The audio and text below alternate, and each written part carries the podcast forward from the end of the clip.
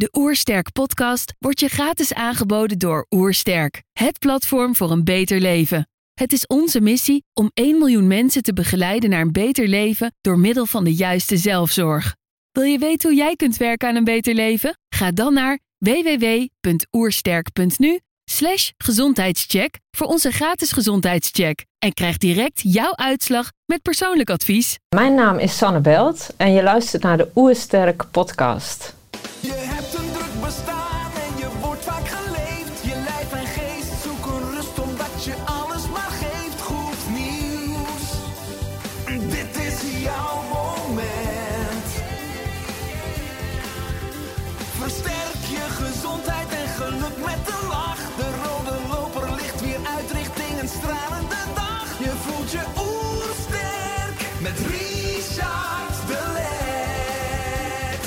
Zijn hier in Heemskerk voor een podcast met Sanne Belt. Sanne is boerin voor de veerkracht en gespecialiseerd in regeneratieve begrazing. Met haar bedrijf Met Natuur Mee is het haar missie om een natuur-, mens- en diervriendelijke landbouw te creëren. Ik ben benieuwd naar haar tips voor een beter leven. Trouwens, geniet je van onze podcast? Abonneer je dan en laat een reactie of review achter. Zo help je ons om het gezondheidsvirus te verspreiden. Let's start! De Oersterk Podcast. Een ontdekkingstocht naar een beter leven. Sanne, welkom. Ja, dank je. Op je website staat veerkracht terug in jezelf en het landschap. Hè, Wat is jouw benadering? Ehm, nou, veerkracht terug, dat, is, dat slaat op dat, eh, dat we ontzettend veel veerkracht eigenlijk in het hele systeem eh, van, ehm, ja, van natuur, maar ook in onszelf eh, zijn kwijtgeraakt. En eh, ja, mijn missie is eigenlijk om dat eh, terug te brengen. En dan vooral in de bodem, want dat is eigenlijk eh, ja, de bron van, van ons bestaan. En ja, we zijn zoveel de verbinding echt met de natuur kwijtgeraakt. Dat ik die, ja, en dan met name, ik heb me dan echt gespecialiseerd in regeneratieve begrazing. Daar zal ik denk ik straks wel meer over uitweiden. Maar dat is, ja, dat gaat echt over veerkracht terugbrengen in die bodem. Ja, een fantastisch en enorm belangrijk onderwerp. Dus ik ben blij dat je in onze podcast bent. Ik denk dat iedere luisteraar of kijker enorm veel gaat leren. Ehm, jullie hebben zelf een regeneratieve bufferboerderij met een naam Met de Natuur Mee. Waarom deze naam? Ja, omdat ehm, ehm, ja, we zijn eigenlijk heel erg gaan eh, boeren op een manier dat we tegen de natuur inwerken. Eh, op allerlei manieren. Eh, en ja, mijn missie is eigenlijk juist met de natuur meewerken. Want dan ja, draait het eigenlijk allemaal om. Dus vandaar de naam. Dat we veel meer met natuurlijke processen mee moeten werken. Ja, misschien ook die natuurlijke wijsheid die we altijd hadden, dat we met de, met de cycli en ook veel meer verbonden waren met, nou, met de maan en de zon. En Ja. veel meer wijsheid hadden hè, van de Ja. natuur en ook dan het bodemleven. Want je benoemde Ja. net al het woord, een fantastisch scrabblewoord, regeneratieve begrazing. Hè, je bent expert op dat gebied. Wat is dit precies? Ja, dat is. ehm, regeneratieve begrazing is dat je. eh, de, de begrazing, je moet je voorstellen, ehm, bijvoorbeeld een koe, eh, maar eigenlijk alle herbivoren. eh, die hebben een symbiose, die leven in symbiose met ehm, eh, planten. Die zijn eigenlijk al, al miljoenen jaren geleden met elkaar geëvolueerd. Nou, Herbivoren zijn ook planteters. Ja, Ja. precies. Ja. Ja. En, ehm, en die, die leven ook in symbiose met elkaar. Ehm, en eh, zeg maar, toen de mensen er nog niet waren in dat, in dat oersysteem, eh, leefden kuddes eh, van die herbivoren, dus planteneters, op eh, bijvoorbeeld savannes. Dat beeld kennen heel veel mensen. Ehm, eh, en en daar, daar waren ook predatoren, dus roofdieren die, die dieren af en toe ja, die, die ze aten. En daardoor, dat is een van de redenen waarom die dieren in kuddes verbleven. Ehm, en die trokken eigenlijk altijd naar verse delen van dat land om weer eh, verse planten te kunnen eten. En dat zie je bijvoorbeeld ook bij bijvoorbeeld eh, eh, koeien, dat ze nooit, als ze ergens een mest laten vallen of plassen, dan trekken ze weer verder. Dus dat is ook een andere reden. Ze trekken altijd weer naar schoon, ehm, ja, gedeeltes van dat land. Dus die trekkende beweging is enorm belangrijk. En sinds wij eh, ja, eh, prikkeldraad hebben uitgevonden, ehm, is, dat, eh, is dat enorm veranderd. Want hebben we eigenlijk veelal uh, dat soort dieren zetten we gewoon in een weide voor langere tijd. En ja, dan krijg je dus een heel ander systeem waarbij je juist over- en onderbegrazing creëert. Waardoor je dat hele, dat hele bodemleven en, dat, en dat systeem van die bodem verzwakt. En door dus die uh, natuurlijke beweging van dat vee weer te herstellen, dus door die, de, uh, dat steeds te verplaatsen, uh, ontstaat die symbiose weer tussen planten en herbivoren. En ontstaat dus ook die veerkracht weer in die bodem. Ja. Ja, mooi, want als ik kijk naar jouw levenspad, je hebt je hele leven met één been, uh, met één been in de veehouderij gezeten en met één been in de natuur. Ja. He, dus je ging op pad met de veearts, je bezocht vele boeren, maar je deed ook de opleiding bos- en natuurbeheer. En die ging intern bij boswachters van Staatsbosbeheer, waar je zelf uh, nog tien jaar als boswachter hebt gewerkt.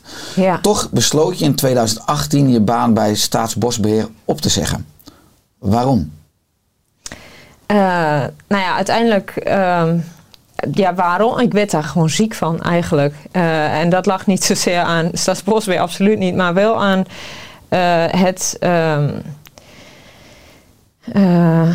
ja, de, een grote logorganisatie. Ik kon daar als persoon, voelde ik me daar totaal niet meer op mijn plek. En, daar, en ik wist nog niet, destijds nog niet echt precies waar het nou aan lag. Want veel achteraf denk ik, heb ik heel erg gedacht dat het aan mezelf lag. En dat ik gewoon niet goed kon functioneren. Want ik kon op een gegeven moment ook niet, heel goed, niet goed mijn werk meer doen. Ik had ochtends al geen zin meer om überhaupt na, naar het werk toe te gaan. Nou ja, dat, dat is natuurlijk niet gezond. Um, en uh, ja, achteraf heb ik dat heel lang volgehouden. En denk ik dat ik veel eerder al had moeten zien van ja, maar ik zit niet op het goede pad. Ik doe niet echt wat ik wil doen. En uh, ja, bij de geboorte van mijn tweede zoontje werd dat heel duidelijk. Dat ik uh, aan alle kanten wist van ik moet nu echt een stap zetten.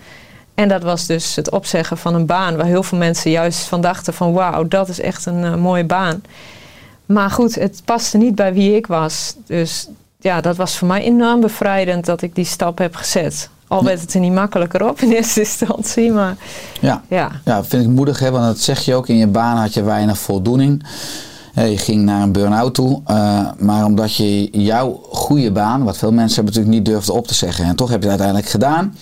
En het heeft je veel meer werkplezier en zingeving ook opgeleverd. Hè? Want hoe ging dat innerlijk vuur van jou weer hoger branden? Want nogmaals, je werd geïnspireerd door uh, nou, twee personen die toen op je pad kwamen. Klopt, ja. Ellen Savory en Jules Salatin. Dat zijn beide um, nou, hele verschillende personen, maar ze hebben wel enorme raakvlakken ook. Jules Salatin is een boer in Amerika die daar uh, ja, regeneratief boert. Dus eigenlijk echt met de natuur meewerkt in alle facetten. Ja, ik lees over hem. Het is een wereldwijd bekende boer die samenwerkt met de natuur. Een enorm gezonde oogst verkrijgt en veel mensen weer in contact brengt met hun voedsel en het bodemleven. Precies, ja. Ja, ja. en... Uh, ja, die, dat, en hij kwam ook in Nederland, want uh, ja, hij heeft meerdere tours gedaan, eigenlijk over een heel deel van de wereld, om ook vooral jonge mensen uh, te inspireren van, uh, ja, het kan wel als jij je aangetrokken voelt tot, uh, tot het land en tot het zelf creëren van een, een gezonde oogst, dan kan je daarin gaan werken. dus ook op die manier stimuleert je heel veel mensen. Um, en ja, dat kwam bij mij zo binnen dat ik wist van ja, maar daar, op die manier wil ik het vormgeven en wil ik natuur en landbouw ja, echt samen laten komen. En daarin een, een, voorbeeld zijn van die kennis die, die hun hebben. Want Ellen Savory, uh, ja, dat is de grondlegger van holistisch management. En um, ja, die, daar ben ik naartoe gegaan naar Amerika om daar ook die opleiding te volgen aan het Savory Instituut. En die hebben als missie om uh, ja, alle graslanden over de hele wereld eigenlijk te uh, regenereren. Het is een moeilijk woord, maar in feite om het veerkracht uh, terug te brengen. Ehm, en een van de tools daarbinnen is eh, regeneratieve begrazing. Ja. Ja. Ja. wat je noemt dus eh, die Ellen Seyfouy. Ja. Eh, ik zag een TED-talk van hem hè, over Ja. hoe je de woestijn weer tot leven wekt en klimaatverandering omkeert. Ja. Hij laat zien in die TED-talk dat twee derde van de aarde nu verwoestijnt. Hè, Ja. Vooral door dieren, koeien, schapen en geiten die het land overbegrazen en te veel methaan achterlaten, dus mest. Hij biedt een ander perspectief om dit terug te draaien. Hè. Wat heeft die opleiding jou gebracht? Maar ook nog breder, waarom worden zijn inzichten wereldwijd nog onvoldoende omarmd of ook vooral toegepast? Ja. Ehm, eh, nou, zijn, zijn, zijn kennis heeft mij eh, gebracht, want ik zag eigenlijk hetzelfde gebeuren eh, in het natuurbeheer. Eh, ik, ik woon dan in Twente en daar heb je, eh, daar leven we meer op de zandgronden, hogere zandgronden. En zo heb je wel meer eh, delen in Nederland waar je, waar je op zand zit. Ehm, en daar hebben we in het natuurbeheer een manier, manier van beheer bedacht. steeds maaien en afvoeren en standsbegrazing. En dat, ja, dat is dat je vee dus een tijd lang in, op dezelfde plek laat grazen. En die beide eh, factoren kunnen zorgen voor meer eh, plantdiversiteit. Want dat is eigenlijk vaak het doel, dat je meer verschillende soorten planten creëert In plaats van de van monocultuur. Precies, ja. Dat zijn dus kruidenrijke graslanden bijvoorbeeld. Ehm, maar de keerzijde van dat beheer is dat je steeds weer eh, voedingswaarde van die, van die grond afneemt. En je ziet nu met het veranderende ehm, eh, klimaat.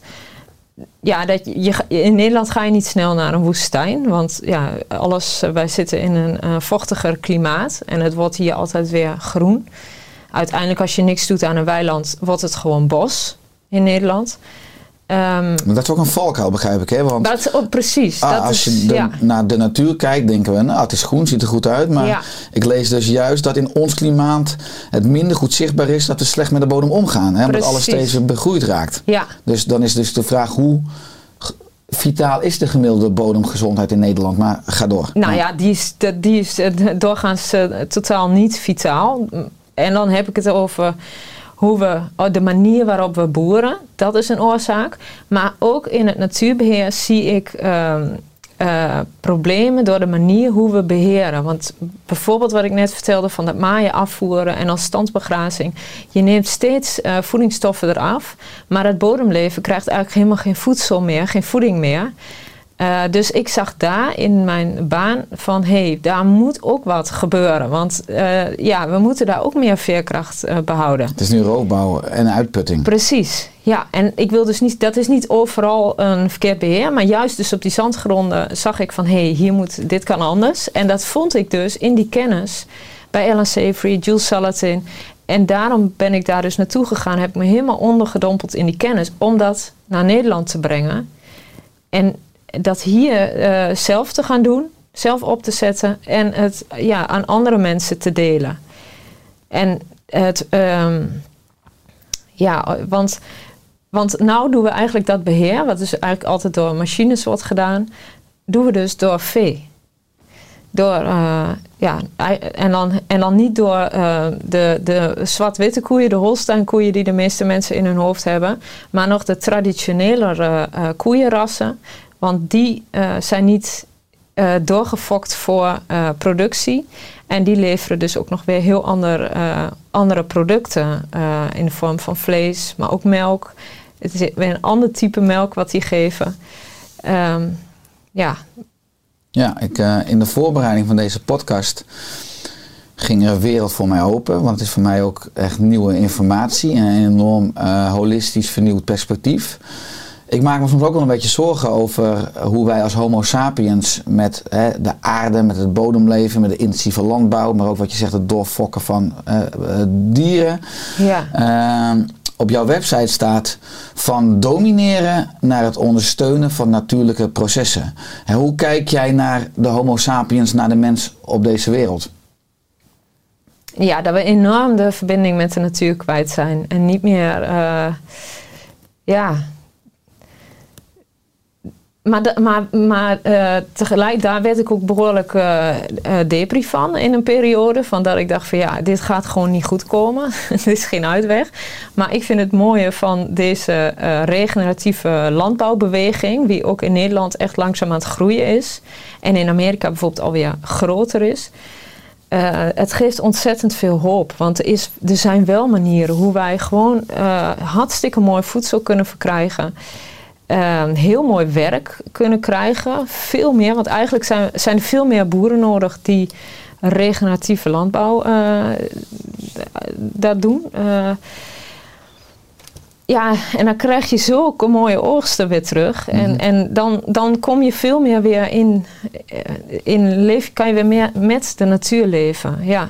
Ja, mooi. Ik eh, ben ook heel hoopvol hoor. En dit is een goed voorbeeld van de revolutie van onderaf. Letterlijk Ja, uit ja. vitale bodem. Ja. Ehm, ik lees hè, dat jij zegt, eh, deze landbouwvorm gaat in het kort over het terugbrengen van veerkracht in het hele systeem. En dan heb je het over sociale, ecologische en economische aspecten.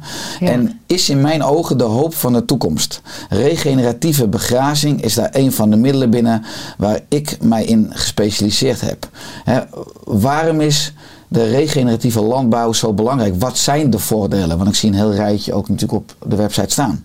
Ja, nou, ehm, ja, eh, bijvoorbeeld eh, meer biodiversiteit. Biodiversiteit, daar horen we natuurlijk veel over, maar het is ook absoluut eh, ja, enorm belangrijk. Willen wij gewoon een, een goed leven blijven houden.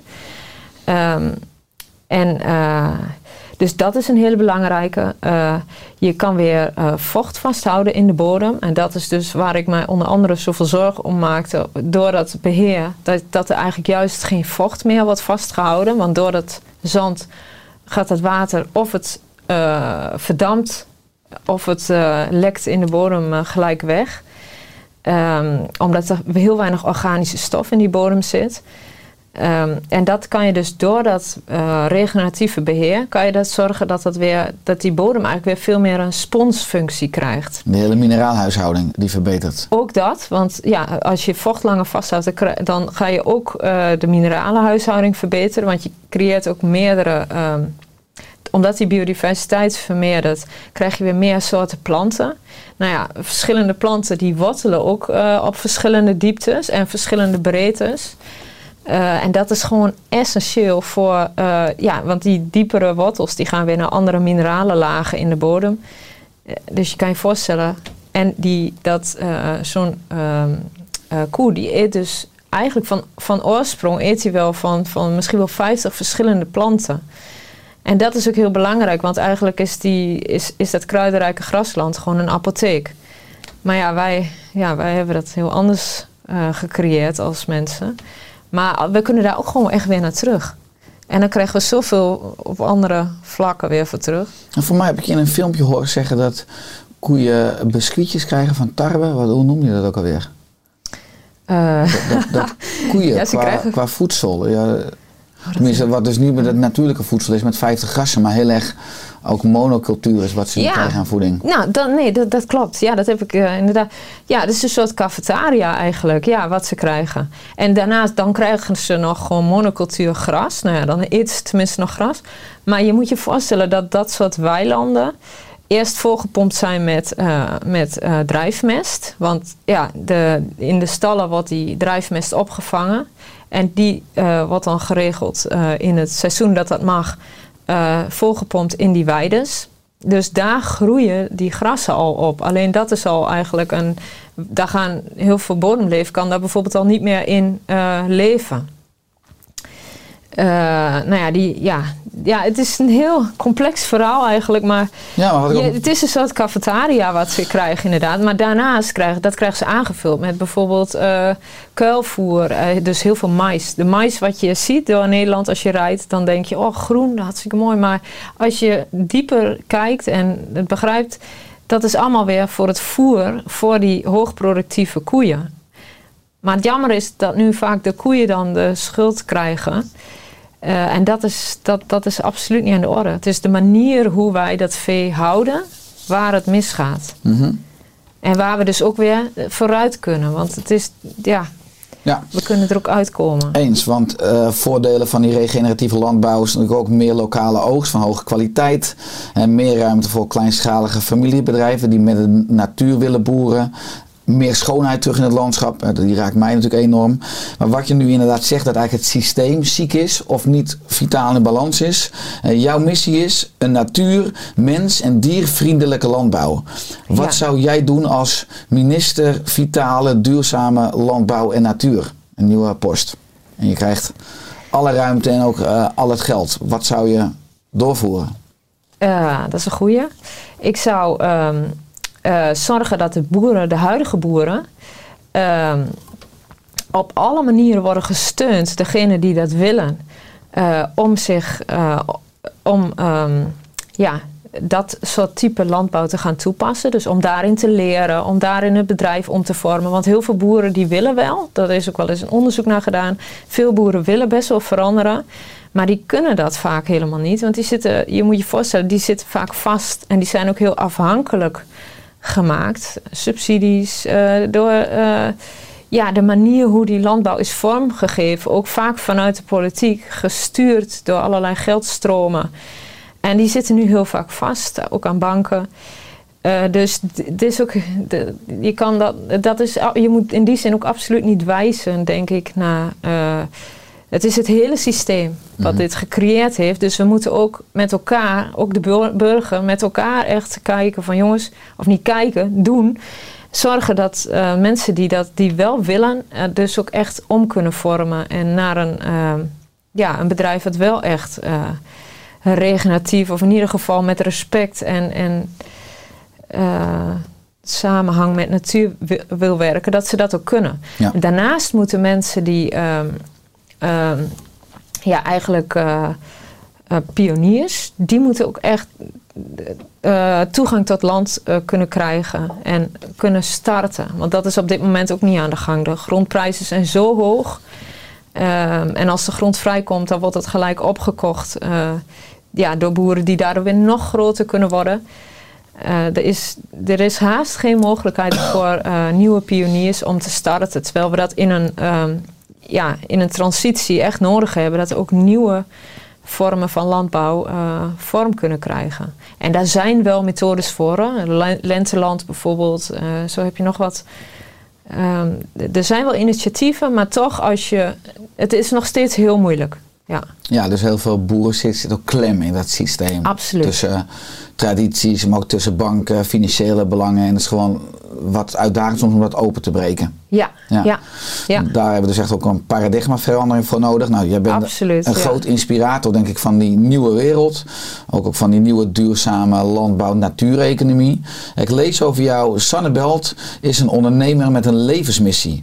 Natuur en landbouw verenigen. Juist rond inmiddels kwetsbare natuur. Het onontdekte antwoord van veel van de huidige problemen ligt onder onze voeten. In de bodem. Uit liefde voor natuur, dier en mens zet ik mijn kennis en kunde in om te laten zien hoe het ook kan. Hoor jij ook de roep van het land? Laat je inspireren. We hebben vele mensen meer nodig die een gezonde bodem voorop gaan stellen.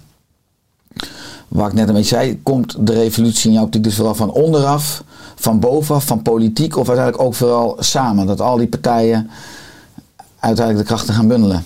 Nou, heel eerlijk gezegd dacht ik altijd van nou, het komt van. eh, nou ja, ik dacht dat het anders, altijd anders ging. Maar inmiddels eh, geloof ik absoluut dat het van onderaf komt. En dat de andere instituten en dingen dan uiteindelijk mee gaan doen.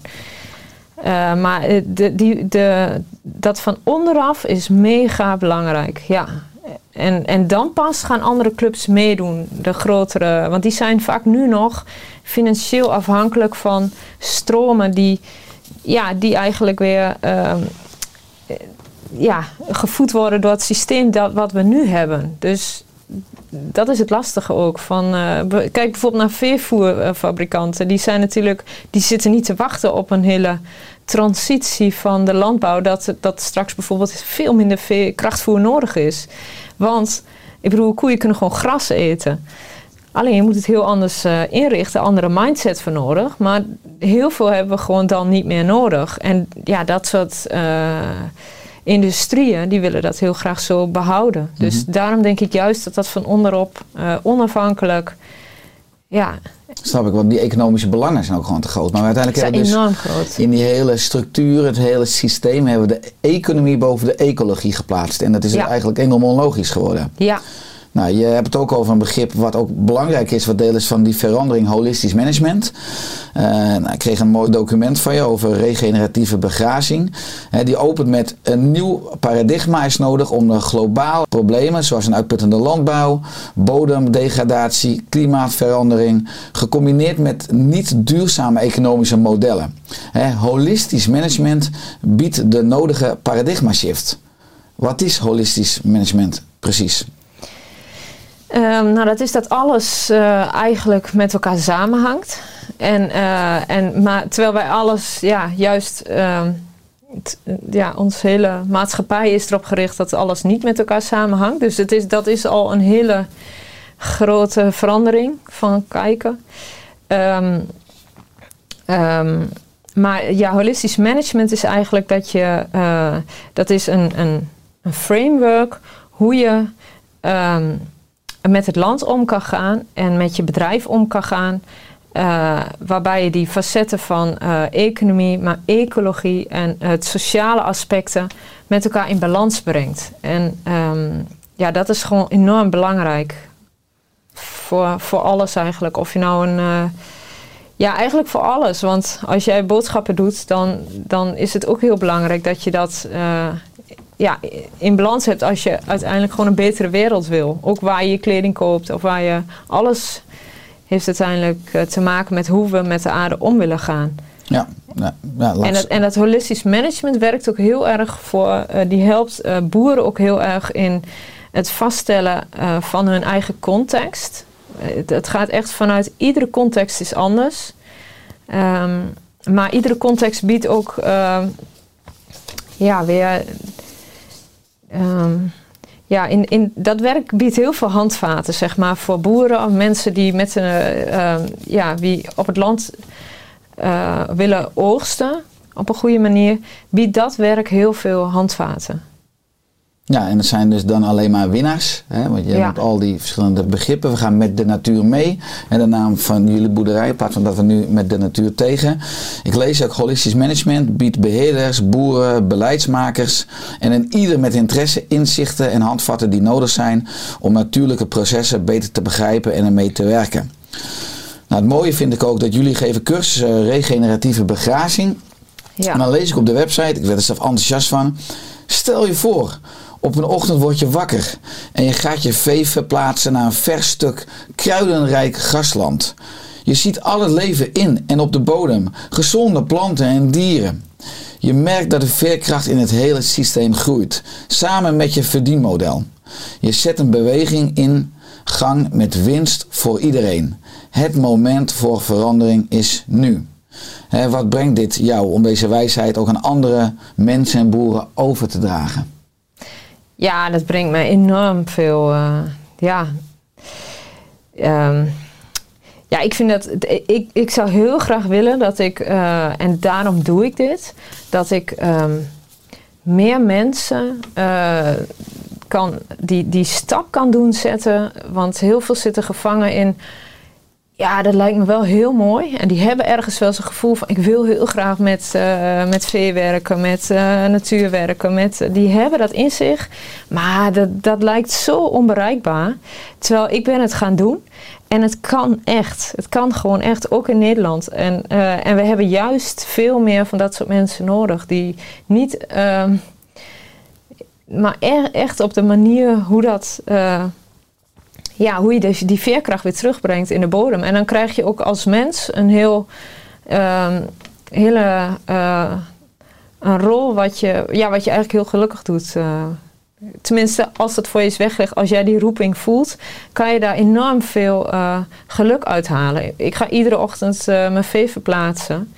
Ja, dat is denk ik een, een groot onderdeel geweest dat ik, eh, dat ik mijn, echt mijn, eh, ja, het- de vreugde in het leven weer volop terugvond, zeg maar. Want je bent, ik, heel veel banen, daar zit je nu volop achter de computer. En dat is gewoon killing. Ja, want we raken vervreemd van onze natuur. Ja, En wat jij natuurlijk eh, doet ten diepste is gewoon de verbinding met jezelf, met de dieren, met het land, Ja. met de natuur. Hè. Ja. Je krijgt een enorme impuls. Wat is nou de grootste mythologie die je vaak hoort over de zaken waar jij je mee bezighoudt?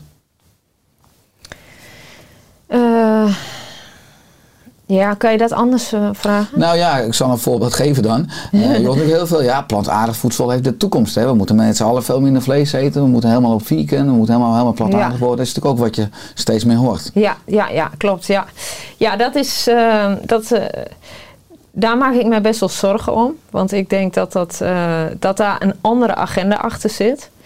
Ehm, ik denk eh, dat wij veel meer moeten gaan begrijpen dat, dat wat, wat wij eten, dat, eh, wat dat eet, dat klinkt heel ingewikkeld, maar en dan heb ik het ook over plantaardig, zeg maar, wat die plant eet, maar ook wat een dier eet, dat is eigenlijk mega belangrijk voor onze gezondheid, maar ook voor de wereld. Ehm, en dat kwartje moet gaan vallen. En als je dan gaat kijken naar dat soort producten, bijvoorbeeld naar ehm, vlees uit, eh, wat gemaakt is eh, uit, in een fabriek. Ehm, dat, komt, dat is dan weer gemaakt vaak van granen. Eh, en de herkomst daarvan is veelal van monoculturen. Eh, en daar in de monocultuur, dat is per definitie tegen de natuur in, want een natuur werkt niet met monoculturen. Dus eh, een, een graanveld, zeg maar, dat is. ehm, kan, kan goed zijn hoor, maar dat, ik zeg, heb het even over eh, het gangbare, waar het meestal vandaan komt. Eh, nou ja, daar kan je voorstellen dat die granen moeten groeien, maar de rest moet eigenlijk gewoon niet groeien. Eh, en ook, eh, daar kan ook geen andere vogels of insecten van eten, want dat is, ja, dat graan dat moet geoogst worden. Dus dat, dat is een manier die echt heel erg tegen de natuur inwerkt. En daar, ja, daar zijn die, dat soort producten dan weer, van gemaakt. Ehm, het is vaak heel erg bewerkt.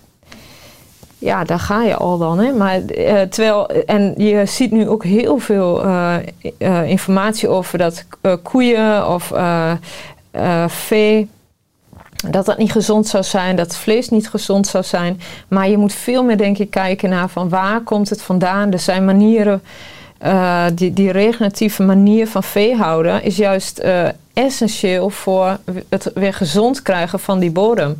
Als je die producten eet en die dieren zijn echt met, op een respectvolle manier eh, gehouden.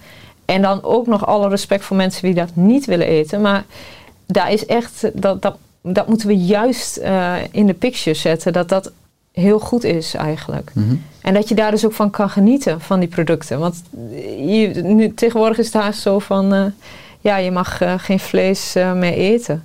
Terwijl, het is ook moeilijk, want het, het is ook niet voorradig haast. Hè? Vlees van dit soort manier van houden. Maar we kunnen daar wel naartoe. Dus daar moet veel meer het licht op komen te staan. Nou, hoe kijk je dan nog steeds vandaag naar zeg het huidige supermarktaanbod als je het hebt over vlees? Ik verbaas me nog steeds dat we reclame hebben met kiloknallers zeg maar, en dus echt bio-industrie vlees. Ja. Ja, dat is gewoon om eh, gek van te worden, vind ik. Want eh, daar, ja, dat is een grote frustratie, eh, vind ik, voor mij al jarenlang. Maar ik ben daar inmiddels wel trouwens minder over gefrustreerd, omdat ik dat meer loslaat. En ik denk ook omdat ik nu eh, ja, me daar echt in, voor inzet om dat op mijn eigen manier te veranderen.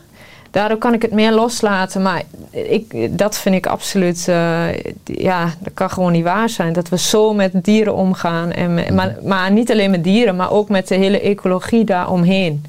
Maar het antwoord, eh, het is nu veel te zwart-wit. Het antwoord daarop is niet. We moeten geen vlees meer eten. We moeten geen. snap je? We moeten alleen maar naar plantaardig toe. Want als je goed gaat nagaan, dan is plantaardig kan goed, maar is daar, ehm, ja, het verhaal daarachter is dus ook lang niet altijd eh, positief voor de ecologie en voor de biodiversiteit. Welke financiële krachten zitten daar nou achter? Ik vond het interessant. Ik was verleden jaar op een eh, congres in Londen.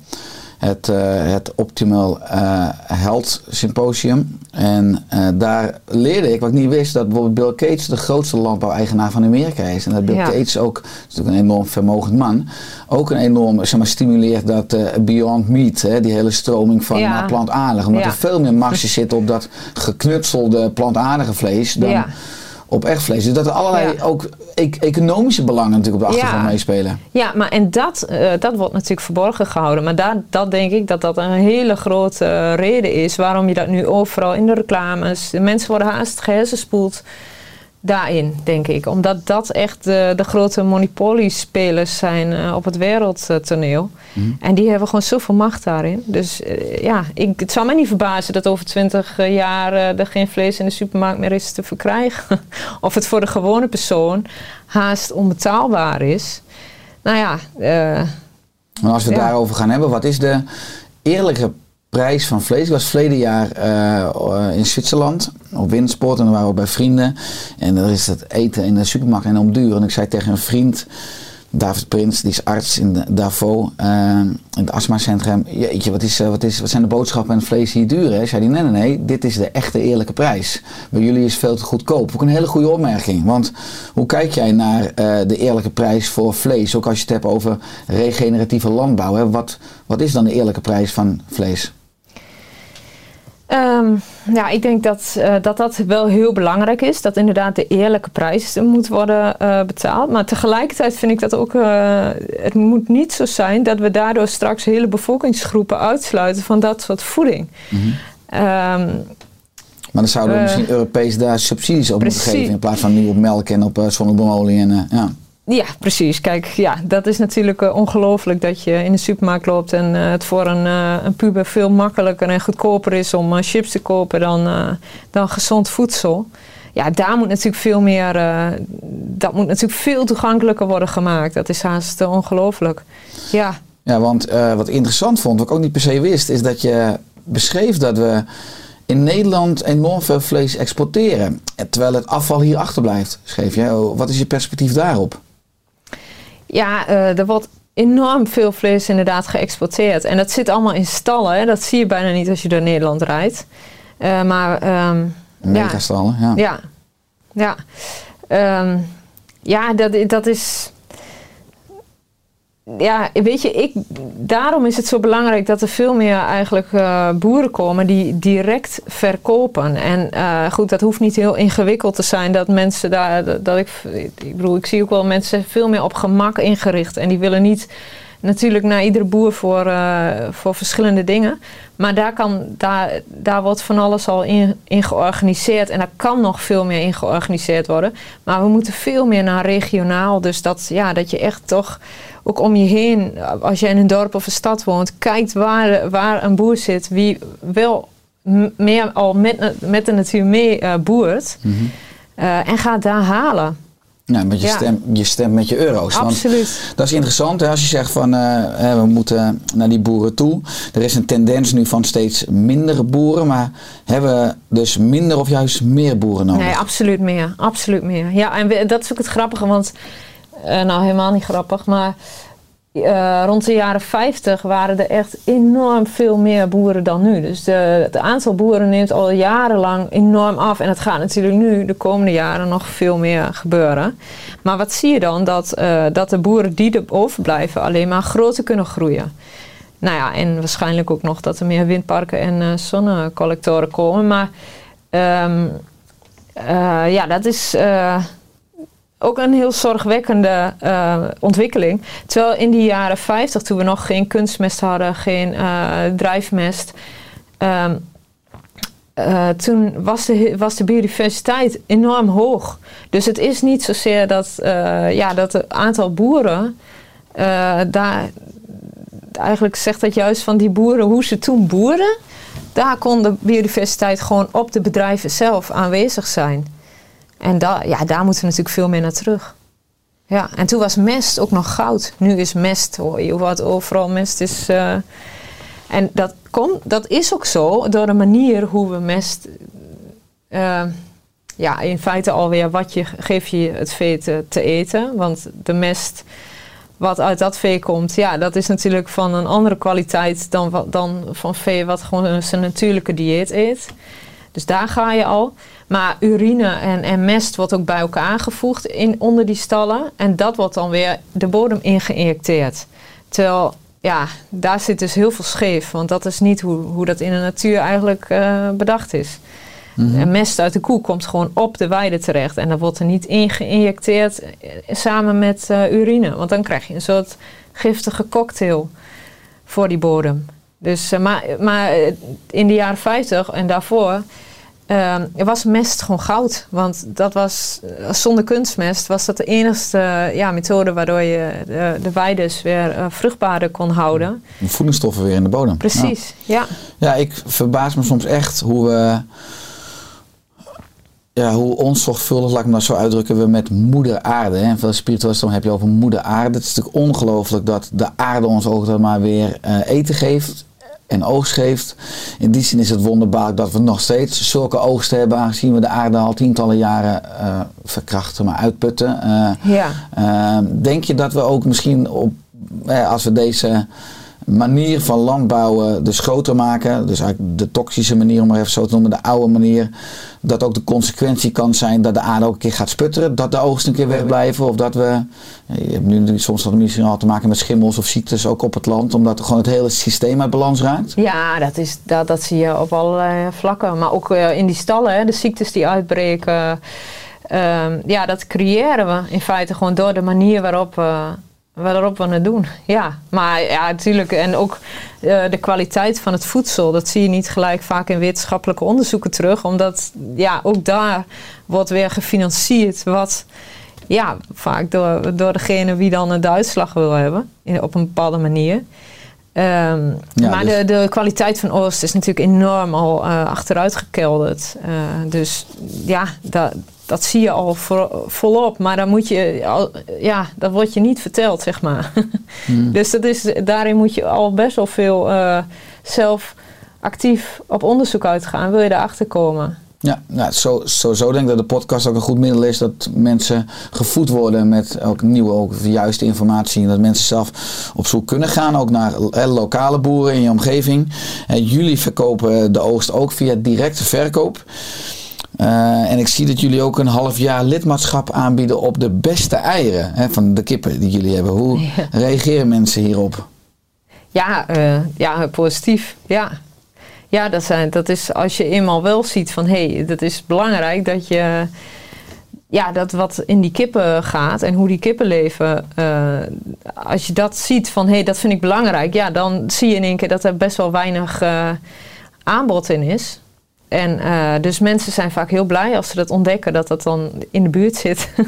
ja. Maar voor, wij hebben ook in de tuin eigen kippetjes. Dus ik ja. weet ook, die krijgen ook alles restafvallen, het groen en, en wurmpjes ja. en meelwurmen allemaal. Maar hoe vitaler natuurlijk hun voeding en leefomgeving, wat je zegt, ja. hoe vitaler het ei ook is. Ja, dus, absoluut. Hè, de die ze dat zit da ja, daar zijn wel... Uh, ja, dat is wel bekend. Bijvoorbeeld dat omega-3 en 6 verhaal, dat zit gewoon veel meer in dat soort eieren. Die, die echt, ja, wij verplaatsen de kip ook steeds op gras ja, dat is. Uh... Ja, dus je hebt een veel betere balans, veel meer, relatief veel meer omega-3 en veel minder ja. omega-6. En, ja. en vooral die kippen die dan inderdaad alleen maar mais en granen krijgen, die zitten ja, vooral fructose, soja, ja. soja vooral omega-6. Ja. ja. Dus pro-ontsteking, ja. ja. Je ziet natuurlijk de laatste zeker 5 of 10 jaar dat er steeds meer aandacht komt voor het belang van een vitale bodem. Onder andere ook door grote films als Kiss the Crown en Sacred Cow. Ja. Hoe vind je dat? Ja, super. Ja, super. Want daardoor wordt het wel toegankelijker voor een groter publiek. En uh, ja, dat is ook een terrein die denk ik uh, alleen maar groter of uh, hoe dat langer gaat worden. omdat dat regeneratieve verhaal, dat komt wel, ja, dat groeit echt. En dat, dat ga ik ook ja, in Nederland gaat dat ook nog, dat het woord regeneratief ga je denk ik steeds meer uh, zien en horen. Omdat dat, ja, dat, dat groeit. En ja. dat is super. Ja, want daardoor komt het bij het publiek veel meer binnen. Ja, ik met Oersterk zeg ik natuurlijk altijd dat de moderne onnatuurlijke leefstijl leidt tot degeneratie. En als je ja. natuurlijk gezonder gaat leven, leidt dat tot regeneratie. Dus zo gebruikte ik hem al. Alleen nou ja, het is eigenlijk precies, maar als alles één is, dan ja. is ja. Dan... Wij zijn ook een stukje aarde, ons lichaam, hè? dat is mooi. Ja, ja dat is. Uh, ja. Ik zag ook een afbeelding van het uh, Silvo pasture systeem. Hè, betekent bosweide. En w- Ja. Waarom is dit systeem zo hoopvol?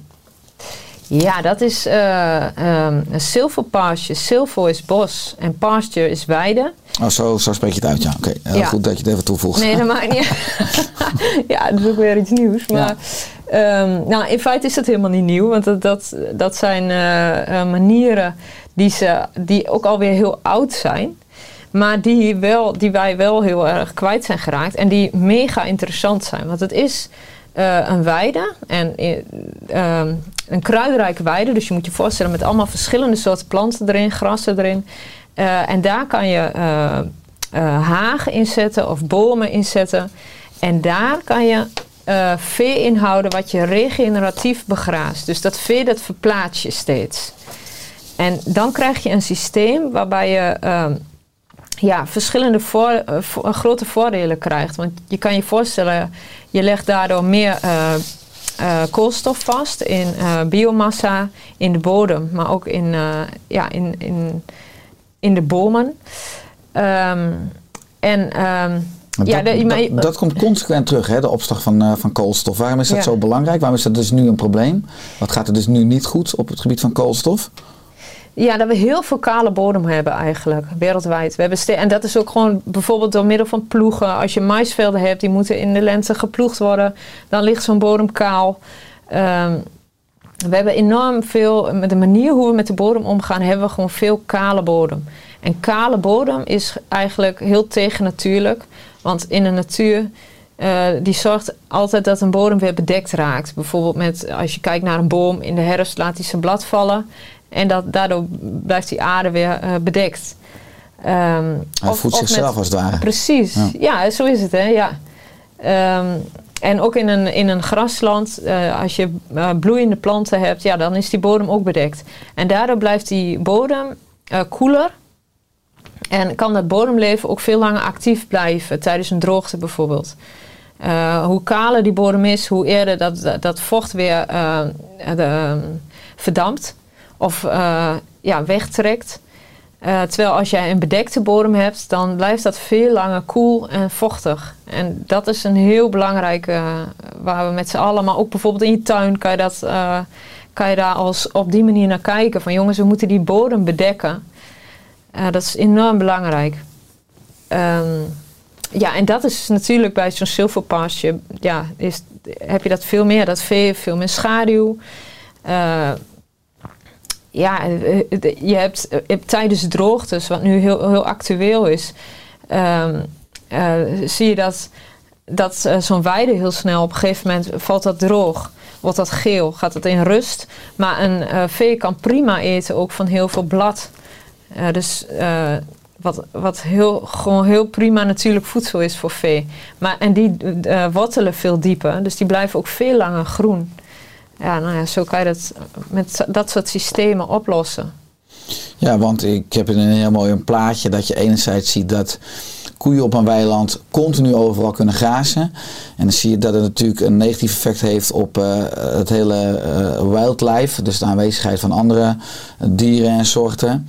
Ehm, dat het ook ervoor zorgt dat er eh, minder diversiteit is in de microben. En eigenlijk de vitaliteit van de bodem van de aarde bepaalt de vitaliteit bijvoorbeeld van onze darmflora bacteriën. Dat bepaalt Ja. onze vitaliteit. Maar ook dat er minder goed regen geabsorbeerd en vastgehouden kan worden. Wat je al zei qua water en mineralen. Eh, de koolstof noem je. Eh, maar ook dat er gezondere dieren zijn als ze dus gewoon eh, ga- grazen of regeneratief. Maar ook dat er dus minder parasieten in, eh, nou, in, in, in de koeien zijn. En dus eigenlijk is de centrale slogan die erboven staat. It's not the cow, it's the how. Ja, ja, dat vind ik een hele belangrijke. Want het is gewoon niet.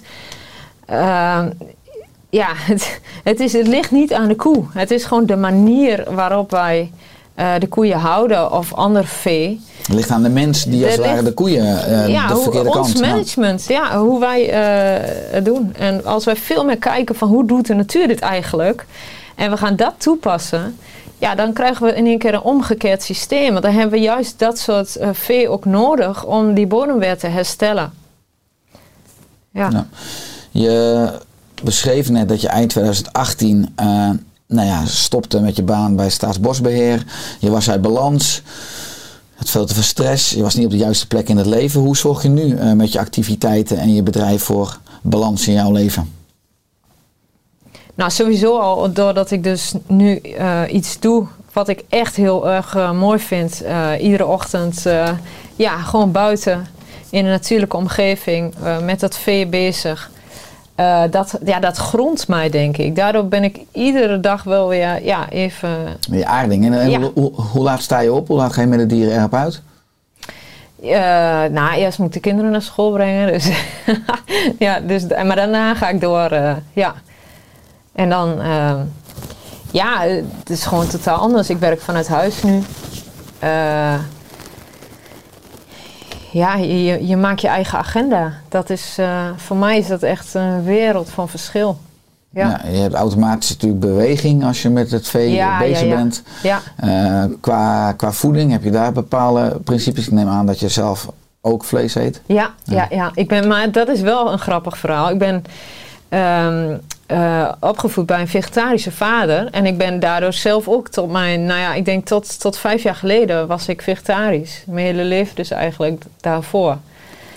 Ehm, dus dat heeft, voor mij was het wel moeilijk om, dat, eh, om die, ook die stap te zetten van hé, hey, maar dit, ik vind dat eigenlijk helemaal zelf eh, eh, eh, op deze manier vee houden vind ik eh, heel goed. En ook voor mijn lichaam eh, zag ik in dat het gewoon goed was om eh, vlees te eten en eh, dierlijke vetten bijvoorbeeld te eten en eh, eieren en ja, dus, maar dat, voor mij was het persoonlijk wat lastiger, omdat ik dus in die mindset al heel erg was van, ja, geen eh, dieren eten, want ja, dat, dat eh, schaadt dieren en het is niet goed om dieren te doden. En, ehm, Ja, maar dat terwijl dat dus niet mijn eigenlijk, eh, ik Nee. kwam erachter dat, dat, dat ik dat niet zo vind. Het was een conditionering die je misschien mee had gekregen, Ja. ook van je vader. Want Ja. hoe kijk je dan naar dat, laat ik het dan het spirituele perspectief noemen, wat je natuurlijk wel veel vier kunt zeggen. Ja, wie, wie zijn wij om een ander dier te doden en op te eten?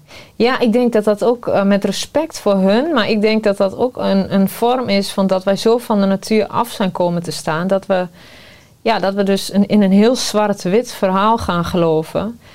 Want alles eet alles in feite. Ja, en ook een onderdeel is denk ik dat we heel bang zijn geworden voor de dood bijvoorbeeld. Ehm, als jij heel respectvol gewoon met dieren en, en het dier zijn, ehm, eh, ja, ehm, zijn eigen eh, gedrag eh, laat uitleven en tegelijkertijd eh, de bodem laat herstellen. en ook nog eens op een hele respectvolle manier dat dier doodt en daarna opeet, bewust eet. Eh, dan ja, ik vind het denk ik juist een heel belangrijke. En ik geloof absoluut niet in eh, dat verhaal van dat we eh, ehm, ja, dat allemaal kunnen oplossen met plantaardig. En, nee. Nee, ook qua duurzaamheid in alle ecosystemen ook gewoon. Als, Ja. Wat je eerder benoemde. Ja. Met al jouw eh, activiteiten ook van de laatste jaren. Wat is het gekste dat je hebt meegemaakt? Of wat heeft bij jou de meeste impact gemaakt? Eh, in de jaren dat ik begon met mijn, met mijn bedrijf. Ja, of in de cursussen die je ook geeft met betrekking tot andere boeren of verhalen of, of interviews in de media. Het kan heel breed zijn. Ehm, ja, dat is een goeie. Ja, dat, dat weet ik zo niet. Nee, dat. eh. Nou ja, dat vind, ik, dat vind ik dus heel frappant. Dat wij echt. eh, ik ben enorm benieuwd ook hoe, hoe wij over tien jaar hoe dat gaat zijn. Want ik zie een enorme eh, aandacht voor ja, dat je echt plantaardig moet eten. En, eh, ja, en, en ook de jeugd, dat die daar ook heel erg mee opgroeit met ehm, plantaardige melk. En, en, en daar ben ik heel benieuwd naar. Van hoe gaat dat nou, ja, hoe gaat dat vorm krijgen? Ja, ik hou me altijd vast. De natuur veroordeelt niet, maar werkt wel met natuurlijke consequenties en regelt zichzelf. Dus we zien natuurlijk nu een enorme verzwakking ook van gezondheid en vitaliteit. En vaak moet er wel het, het schip ook keren als we, ook, als we een evolutionaire onlogische afslag nemen. Ik bedoel, dan komt er weer een evolutionaire bottleneck. Wat we natuurlijk recent ervaren hebben met het coronavirus, wat een Ja. mild virus was, maar kijk eens wat een schade die heeft kunnen inrichten. Ja, En kunnen aanrichten omdat de mens gewoon totaal niet meer vitaal is. Omdat we niet meer natuurlijk denken. Omdat we niet meer natuurlijk eten. Omdat we niet meer natuurlijk leven. ja. En eh, ja, daar denk ik wel dat we uitgenodigd worden om steeds natuurlijker te denken en te eten en te leven in natuurlijke kringlopen. En dan ook op dit gebied van regeneratieve begrazing en landbouw. Eh, balans waar alleen maar winnaars zijn en waar, waar, waar iedereen sterker van wordt. Ik, denk, Ja. eh, ik hoop dat die wijsheid, we verdrinken in de informatie en de kennis, maar ik hoop dat die wijsheid inderdaad steeds meer terugkomt. ja. Wat is vanuit dat perspectief ook, je noemde aankomende tien jaar, wat is jouw missie of droom voor aankomende jaren? Ehm, nou, dat veel meer mensen gaan inzien van hé, hey, eh, dit is echt eh, regeneratieve begrazing, dat kan echt ons heel veel brengen. Ehm, eh, en ook juist, eh, ja, ook met name vrouwen te ehm, inspireren om, ja, om ook meer te gaan doen hierin. Want Tegen boeren. ja, ja. Echt, mensen die voelen dat ze die roeping hebben hè, ergens. En het zijn er gewoon veel meer dan, dan wat je nu ziet. Ehm, en ik zie daarin ook echt jongere vrouwen die zich aangetrokken voelen en, en het gaan doen. Eh, maar dat is nog mondjesmaat, maar ik verwacht dat dat steeds meer gaat worden. Ehm, en dat hoop ik, dat mensen echt die, die, ja, die roep van het land gewoon horen en, en de moed hebben om het zelf te gaan doen. Ja, want je kan veel meer dan je denkt wat dat betreft. Mooi hoe je dat uitdrukt, de roep van het land horen, mooi.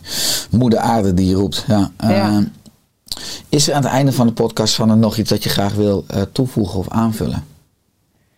Ehm, nee, ja, vooral dus echt die manier van dieren houden. Dat, dat, echt, dat daar echt de kern van het probleem ligt. Ja, maar dat denk ik dat ik dat wel eh, heb verwoord. Zeker. En het is bijna ook onze morele verplichting als mensen om anders met de dieren en anders met Ja. het land. En ook beter met de natuur dus om te gaan. Ook vanuit de verantwoordelijkheid die we hebben om de aarde vitale door te geven aan onze kinderen en de Ja. volgende generatie. Ja, Ja, mooi. Waar kunnen mensen meer vinden over jou, over je bedrijf? ja op metnatuurmee.nl.